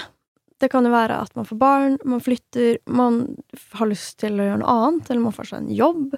Eh, eller rett og slett at ikke prosjektet har den samme rollen i livet sitt som, som før. Eh, at eh, samarbeidet ikke fungerer. Det finnes jo utrolig mange grunner til at ting ikke eh, funker. Og spesielt i et frilansliv som er så eh, flytende, hvor eh, nye prosjekter eller eh, ja, ting kommer gjerne til, da, og at livet er veldig bevegelig. Mm. Og jeg har et eksempel eh, med det her julemarkedet, Oslos supermarked. Det var egentlig noe som kom eh, ut av et tidligere prosjekt som heter Oslos rauseste marked, som er gjort med en som heter Ida Notvik. Og jobba sammen masse. Eh, samarbeidet er kjempebra. Og vi lagde Oslo supermarked i 2016 og 2017. Eh, men så har hun flytta til Telemark og har ønsket en fast jobb, så hun, har, hun ble ansatt. Og da fikk jeg tilbud i 2018 om å gjøre det her julemarkedet for Prinsen hage, som et marked hos de, som da var plutselig ganske greit betalt. Og da husker jeg spurte Ida også om hun ville være med. Eh, Men hun hadde jo fulltidsjobb, hadde ikke kapasitet, hadde ikke lyst. Og da fikk jeg inn en annen, som også heter Ida, som jeg jobber med nå på markedet. Og gjorde det her markedet i 2018. Vi gjorde det også i 2019. Eh, og så har jeg hver gang det har vært en ny runde med å lage marked, så har jeg alltid spurt og snakka med Ida og sagt sånn Det her er jo egentlig vår baby sammen som vi hadde, og vi lagde. Vil du være med, eller vil du ikke? Eller syns det er greit at jeg gjør det med annen? Syns det er greit at jeg gjør det med samme navn og på samme måte? Og det er jo Um, veldig fint og riktig ja. at du spør. Det syns jeg og veldig fint av henne også å si sånn kjør på. Um, og uh, så har hun vært med i 2020, så gjorde vi en digitalt julemarked. Så var hun med, uh, hvor hun var med en del, og jeg jobba litt enda mer.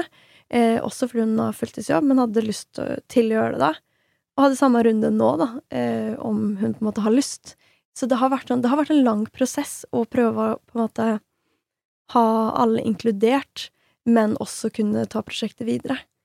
Men hvis hun hadde sagt det her var vår baby, og jeg er ikke så komfortabel med å se deg ta den videre med andre i kanskje andre retninger, hvordan ville dere gjort det da? Altså, jeg tror først jeg snakka om hvorfor. Føler du sånn?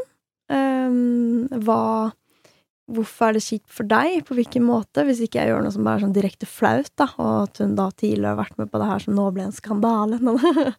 Men det er jo litt sånn hvorfor Da hadde jeg tenkt kanskje blitt litt snurt. Sånn, hvorfor unner du meg ikke det? Um, og, men også kanskje vært litt sånn løsningsorientert og tenkt vet du hva, jeg kan fint lage et marked med et annet navn, eh, som et eget prosjekt. Så det hadde jo egentlig vært liksom en løsning på det, tenker jeg. Sånn at det fins jo alltid løsninger, men det er noe med å prøve å gå litt ut ifra sånn rettferdighetsprinsipp, og tenke hvordan det blir. Og vi har jo eh, oss imellom hatt eh, en episode hvor du eh, ganske plutselig bestemte deg for å flytte til Sverige, eller for å bli i Sverige sammen med din samboer Kalle, eh, som kom veldig brått på meg, hvor jeg husker at jeg tenkte wow, hva skjer med prosjektet vårt nå? Vil ikke du være med mer? Altså, nå bor jo du egentlig fortsatt i Sverige, men så har jo alt vært unntakstilstand siden da. Så har du reist litt frem og tilbake når du har kunnet. Um, men eh, og, og, så hadde vi en periode hvor jeg eh, var nysgjerrig på en jobb, en fulltidsjobb, hvor eh, du også unnet meg å være nysgjerrig på det, og hvor jeg snakket med deg veldig mye om den jobben, men begge disse episodene er jo på en måte kunne jo snudd eh, opp ned på prosjektet vårt, hvor den ene kanskje hadde gått ut av det, eller den ene hadde tatt det videre alene, eller fått en annen inn, eller eh, Og nå skjedde jo ikke noe av det her, og vi begge er like investert i prosjektet fortsatt, men det vil komme ting som på en måte konkurrerer med prosjektet, eller kan være en trussel mot det felles prosjektet, hvor man må ta stilling til hvordan skal man ta fatt på veien videre. Og da er det jo ikke så lett, selv om man kanskje har valgt å gjøre noe annet, å se babyen sin gå videre uten en selv. Jeg tror at hadde jeg gått inn i en fulltidsjobb, selv om den var superkul, så hadde det vært en liten sorg i å se frilanslivet rulle og gå videre uten meg. Men det må man jo bare tåle, og kanskje være stolt av hva man var med på å starte. Mm, jeg tror det der kan være veldig vanskelig, og det fins veldig mange ulike løsninger på det. Um, det er nok lettere hvis man selv velger å trekke seg, og kanskje unne den andre å gå videre. Fremfor at du sparker meg ut? Eller ja. hvis det blir en konflikt som gjør at vi tenker at vi kan ikke samarbeide lenger, og hvem skal få prosjektet, på en måte? Hvem, hvem skal få babyen? Skilsmissebarnet. Ja. Um, en uke hver? Annenhver uke? Og det Og det fins ikke noe sånn egentlig sånn rett eller galt. Det kan bli skikkelig stygt. Og det er kanskje litt det samme at hvis man blir med på et prosjekt, og så tar det flere år før det kommer inn økonomi, så har man putta inn sjukt mye gratis timer, eh, men kanskje velger å trekke seg, og så kommer det inn masse penger, så er det jo også litt Jeg tenker at da har man kanskje tapt sin mulighet fordi man valgte å trekke seg. Um, og noen ganger så er det ikke verdt å bli i et prosjekt hvis ikke samarbeidet heller fungerer. Eh, sånn at du kanskje har det bedre i, med å gjøre noe annet. Ja, hvis du er den som hele tiden drar, for eksempel, og må motivere, og den andre kanskje er på en annen pace, og kanskje ikke nødvendigvis tilfører kraft og energi, så er det kanskje ikke den riktige dynamikken. Mm. Eller, Nei, eller, helt andre ting. Altså. Ja. Eller kanskje kan være med på en annen måte. For her tenker jeg også at et scenario her er jo at man får inn en tredje person, eller en fjerde person, eh, som er like investert, eller kanskje man har to personer som er 100% og så har man eh, en som jobber 20% og så fordeler man lønn deretter, eller mandat deretter. Så det fins jo veldig mange løsninger hvis man er villig til å til å um, Hva skal man si Å ville la prosjektet leve videre. Når jeg studerte på Kaospilotene i Danmark, det er en treårig slags sånn prosjektlederskole, veldig mye fokus på prosess og veldig mye gruppearbeid, passa perfekt for meg. Um, der så var det veldig mye teori da, om gruppedynamikk, som jeg syns er veldig spennende. Og det er faktisk litt uenighet om en gruppe, tilfeldig gruppe, eh, på en måte kan finne sammen og ha et fantastisk samarbeid. Litt sånn uavhengig av, av eh, konstellasjonen av gruppa. For det er eh, andre halvparten av forskningen som sier at eh, eh, gruppedynamikken er veldig satt i utgangspunktet i forhold til hvem som er gruppens medlemmer. Så det er mye man kan jobbe med, men noen ting er bare på en måte iboende i eh, hvem som blir satt sammen da, til å jobbe. Så noen samarbeid vil jo rett og slett vise seg at dere kanskje var for forskjellige, eller ville for forskjellige ting, eller krasja for mye og ble stuck på noe eh, som rett og slett ikke lar seg på en måte løse, da. Eh, så det er jo ikke alle samarbeid som bare vil funke ved å prate om det. Eh, og det er ikke alltid du skal fortsette å samarbeide. Akkurat som et parforhold noen ganger bør ta slutt, så er det litt samme med et samarbeid.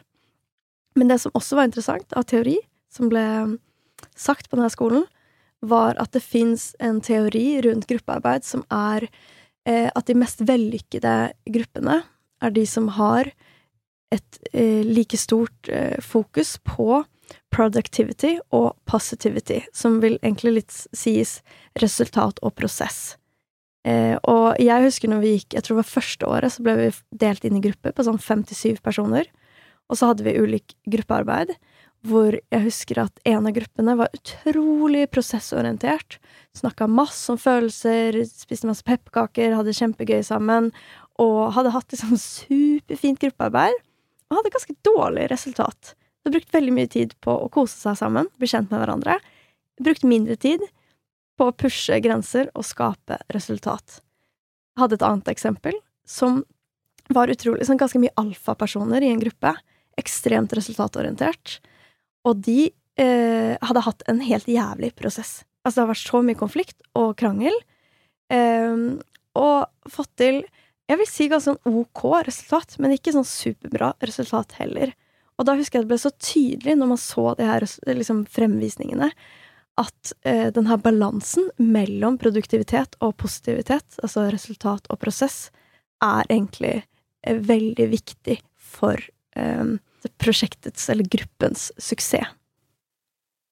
Og jeg tenker at eh, det som har vært eh, en suksessoppskrift for vårt samarbeid, denne balansegangen mellom eh, produktivitet og positivitet, at vi er veldig målretta. Vi har vel en sånn tydelig ramme at vi skal lage så og så mange episoder i året, vi skal få inn det her av finansiering, vi setter oss høyere mål, vi pusher grenser, og liksom dytter prosjektet framover.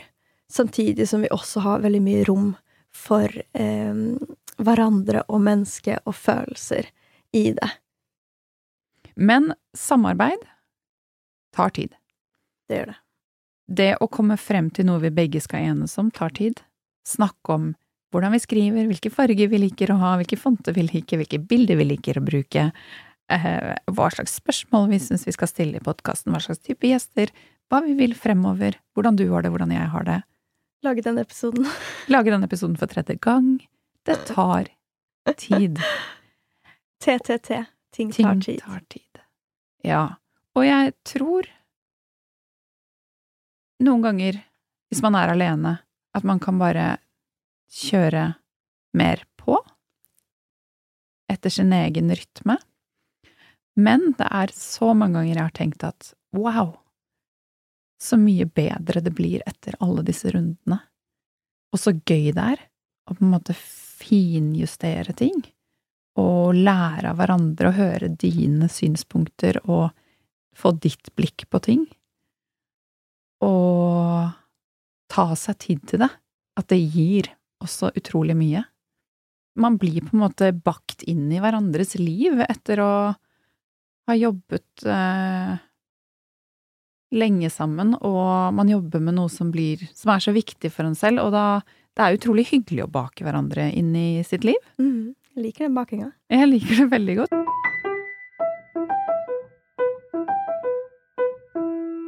Jeg tenker at det er mye ting med et samarbeid som er sånn praktisk bra, at man får til mer sammen, at jeg kan ha flere prosjekter, at vi sammen blir en 80% stilling istedenfor en 40% stilling.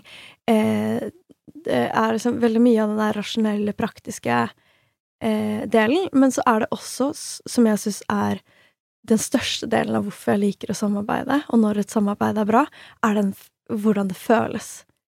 Og det er nesten litt vanskelig å sånn ta på og, og prate om, men det er en sånn ehm, Jeg vet ikke, en tilfredshet at man er sammen om noe.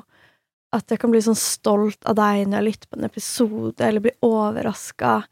At jeg eh, kjenner liksom glede i i det å møtes og prate om ting og, og liksom legge ambisjoner, og når vi oppnår mål, og Det er liksom den der, ja, eh, følelsen av eh, når et samarbeid Sånn som nå, når det bare flyter.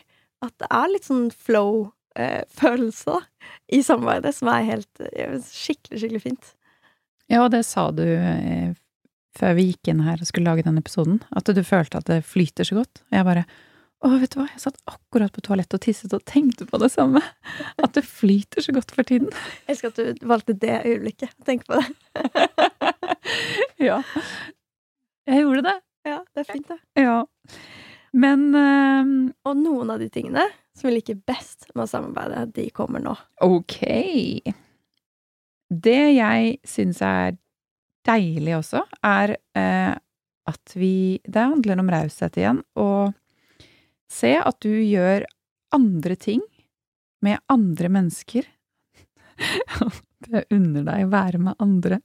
Nei, å, å heie på hverandre i andre arenaer utenfor vårt samarbeid, og at vi kan på en måte ta del i det, eller komme på hverandres ting og se eh, Eller unne hverandre å utfolde oss i andre ting utenfor prosjektet. Det er jo kanskje en selvfølge, men det er også utrolig fint å heie hverandre frem. Ja. Mm.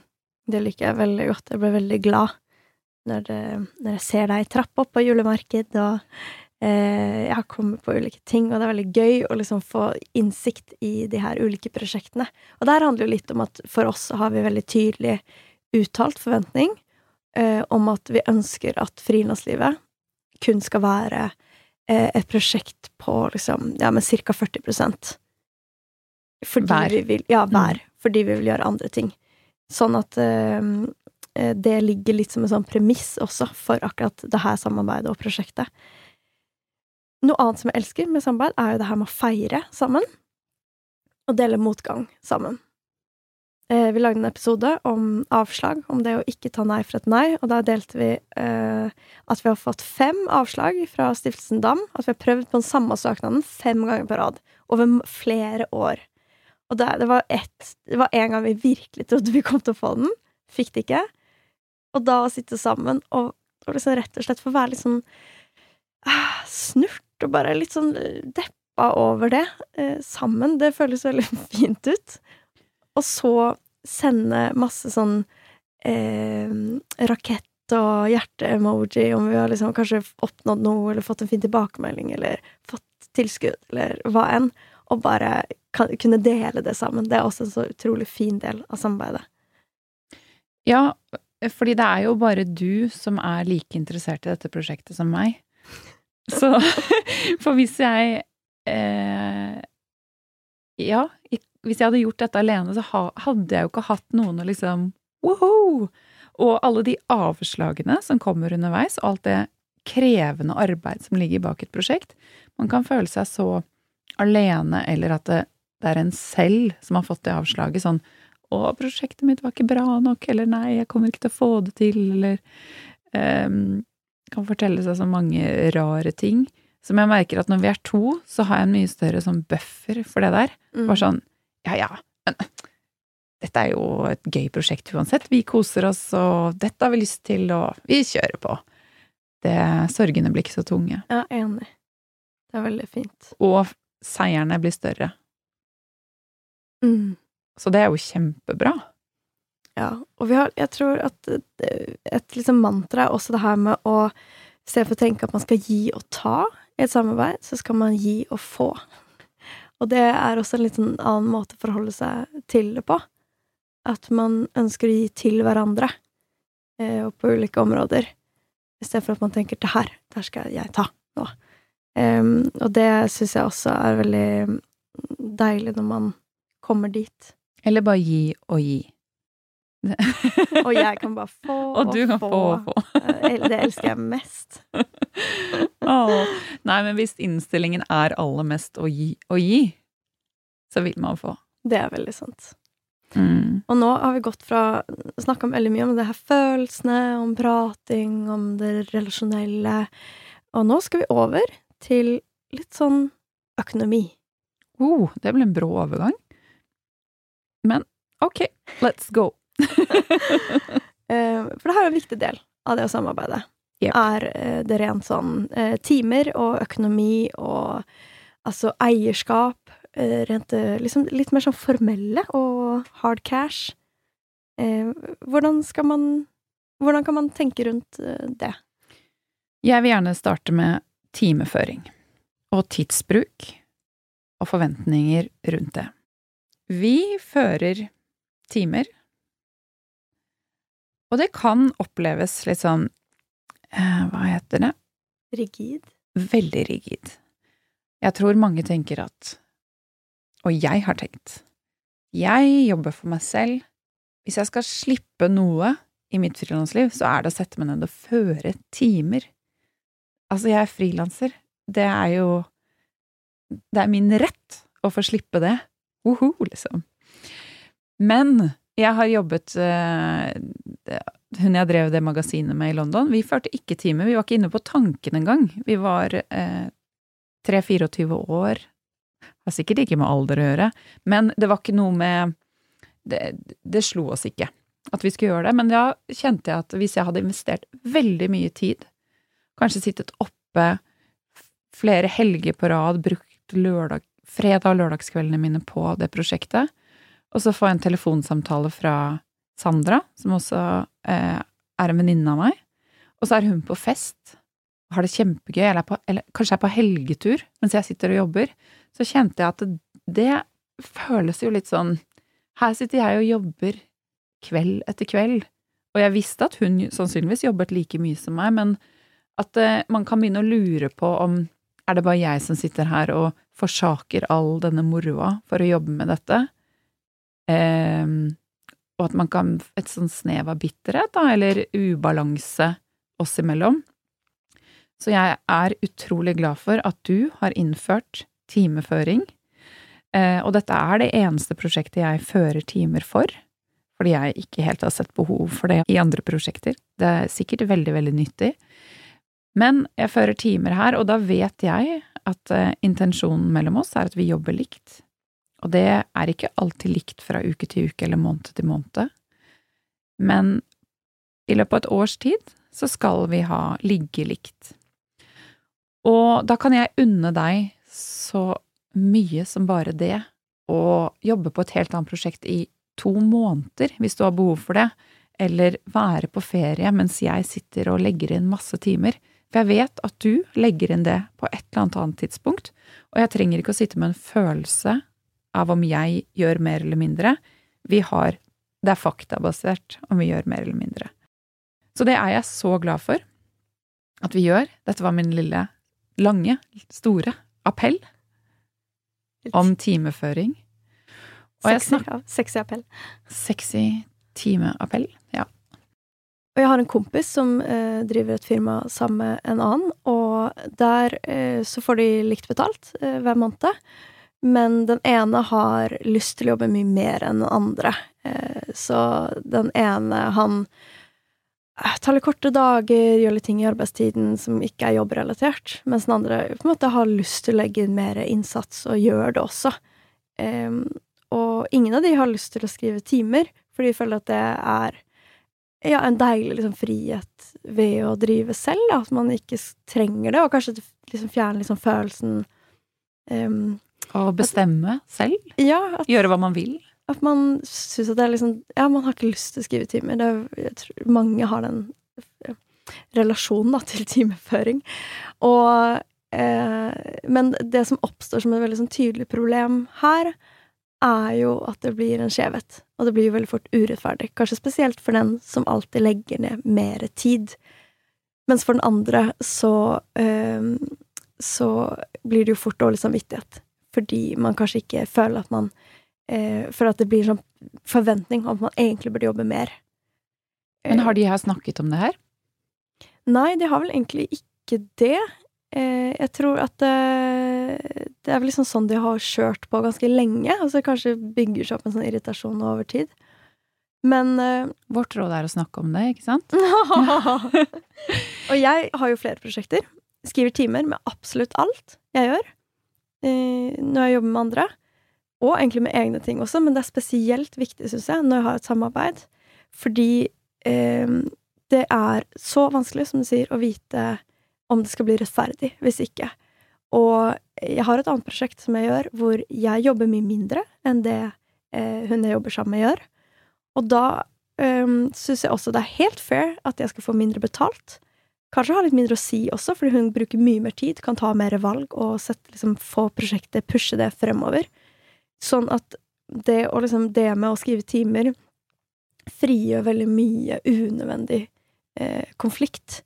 Og i hvert fall når det begynner å komme inn en del penger. Eh, og det samme handler om eierskap til firmaet. Hvis man går inn helt likt med samme timer, kostnader, deler inntekten, så kanskje man også skal eie helt likt. Men hvis man går inn ulikt, så er det kanskje en helt annen modell. Og jeg, det med å skrive timer gjør at eh, du kan jobbe når du vil. Altså, det tar ikke bort det frihetselementet. Fordi da kan du jobbe med god samvittighet hele helgen, og så ta deg fri. Eh, for du vet at den andre legger inn de timene på et eller annet annet tidspunkt. Og jeg har også eh, hatt flere prosjekter hvor eh, Hvor vi kanskje tenker at vi skal jobbe cirka likt, men så har den ene fått noe oppdrag, eller havna i noen andre prosjekter, sånn at jeg har sittet og jobba kanskje mye mer. Men da syns jeg også det er helt greit, hvis jeg har kapasitet og lyst til det, fordi også økonomien blir fordelt deretter. Et eksempel er eh, høstferien i år, hvor eh, hun eh, jeg gjør eh, julemarkedet med. Um, Ida. Ida var på høstferie i utlandet, koste seg, hadde akkurat hatt en superintensiv filmfestival som hun hadde jobba med, så jeg unna henne å ha ferie, og det var veldig viktig også før vi skulle gå i gang med dette prosjektet. Eh, samtidig så hadde vi havna litt bakpå eh, med tid, og jeg hadde egentlig jeg hadde ikke planlagt å ta høstferie, og min type skulle jobbe, og så videre. Så da satt jeg hele høstferien og jobba en hel uke. Og det hadde, det hadde jeg blitt veldig bitter for, hvis ikke det også hadde gjenspeila seg i enten at hun jobba de timene igjen etterpå, eller at jeg eksempel får mer lønn. Sånn at øh, Ja, jeg syns det er så viktig med timeføring. Det er så viktig! Og vi går jo virkelig detaljert til verks når vi snakker om hvordan føre timer. For det er urettferdig hvis én sitter og liksom henger på Facebook i to timer arbeidstiden, og så skal man skrive opp de timene som arbeidstid. Så det handler jo samme her, om å ha en veldig sånn lik tilnærming til hvilke timer er greit å skrive, hva er ikke greit å skrive. Og her kommer inn et eksempel med lunsj. Hvis jeg skal ta en time lunsj hver dag, så er det 20 timer på en måned, hvis det hadde vært fulltid. Og det er jo eh, nesten tre arbeidsdager på en måned. Og tenk deg da på et år, så er det jo på en måte nesten vet, 40 arbeidsdager. Så det blir veldig stor forskjell hvis jeg skulle skrevet med alle lunsjtimene som min arbeidstid, mens du ikke hadde gjort det. Det hadde vært superurettferdig. Ja, altså det at man har lik oppfatning av det man gjør, er mye man skal tenke på, ass. Ja, det er Ja. Alle barn Jeg skal aldri samarbeide med noen. Eller aldri med de to der. Men eh, Og vi har også snakket om eh, i en periode hvor vi tok mye kurs og tilegnet oss ny kunnskap, eh, hvor eh, stor andel av timene det var greit å på en måte bruke på det. Så ikke én sitter og gjør alt det som må gjøres, og masse kjedelige oppgaver, som det også innebærer å drive denne podkasten, eh, mens den andre bare sanker inn ny, kun ny kunnskap og bruker eh, 40 timer på det. Så da var vi også sånn ok, kanskje vi kan bruke 40-50 timer hver, men at vi ligger ca. likt da, på den type tidsbruk. Mm. Så vi, vi snakker om masse nitty-gritty. Ja, det gjør vi. Og vi fører det inn i et Excel-skjema.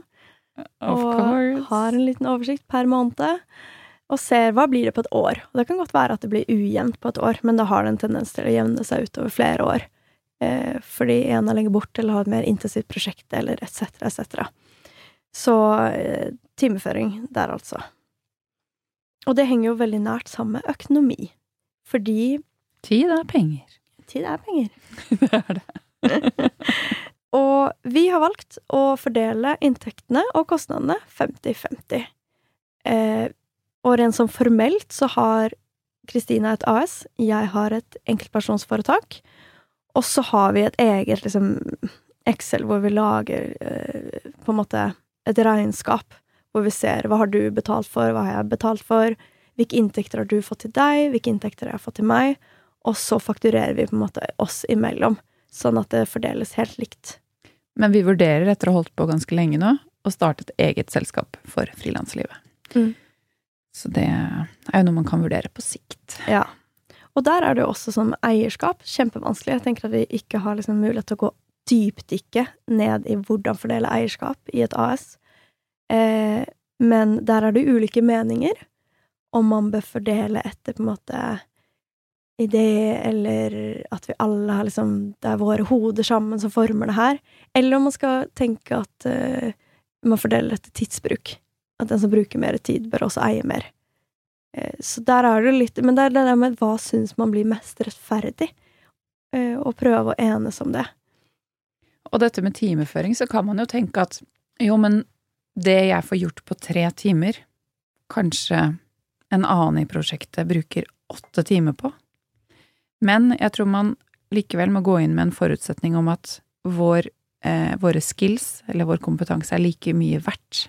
Jeg bruker kanskje lengre tid på noe enn det Hanna gjør, og Hanna bruker lengre tid på noe enn det jeg gjør, og at det vil utjevne seg på sikt, og at begges tid er like verdifull.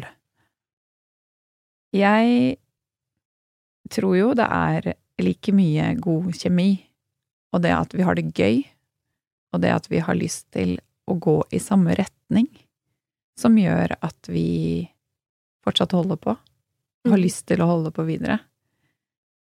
For hvis det ikke lenger blir gøy, så er på en måte poenget borte. Men jeg er ganske sikker på at det er alle disse samtalene våre om alt mulig, fra de bitte små tingene til de store sånn hva ønsker du å få ut av frilanslivet ditt, hvor vil du hen, hvor føler du at du utvikler deg, hvordan har du det nå? Det er alle de samtalene som gjør at vi fortsatt har det skikkelig gøy. Enig. Heia samarbeid. Hei. Det er så kraftfullt, syns jeg, med et samarbeid for å se liksom hva man kan få til sammen. Og hvor mye mer man kan få til sammen fremfor å gjøre noe alene. Og det å dele det med noen, å være eh, flere enn én, det er gøy. Det er gøy. Takk for Ja. denne gang. God jul! God jul, ja! Det er siste episoden før jul, sånn at um, Meld deg på nyhetsbrevet vårt på nettsida, for da kan vi sende deg en mail og si hei, hei, nå er vi tilbake. Som er i mars en gang. 2022. Og um, hvis du laster ned Eller hvis du melder deg på nyhetsbrevet vårt, så får du også som en liten gave en slags budsjettmal. Som en sånn herlig julegave. Og en del andre ting utover året. Men vi lover ikke spamme. Yes. Kommer bare kanskje fire-fem ganger i løpet av året. En liten mail fra oss. Mm, Men vi høres i løpet av mars måned. vi høres. Ha det bra. Ha det.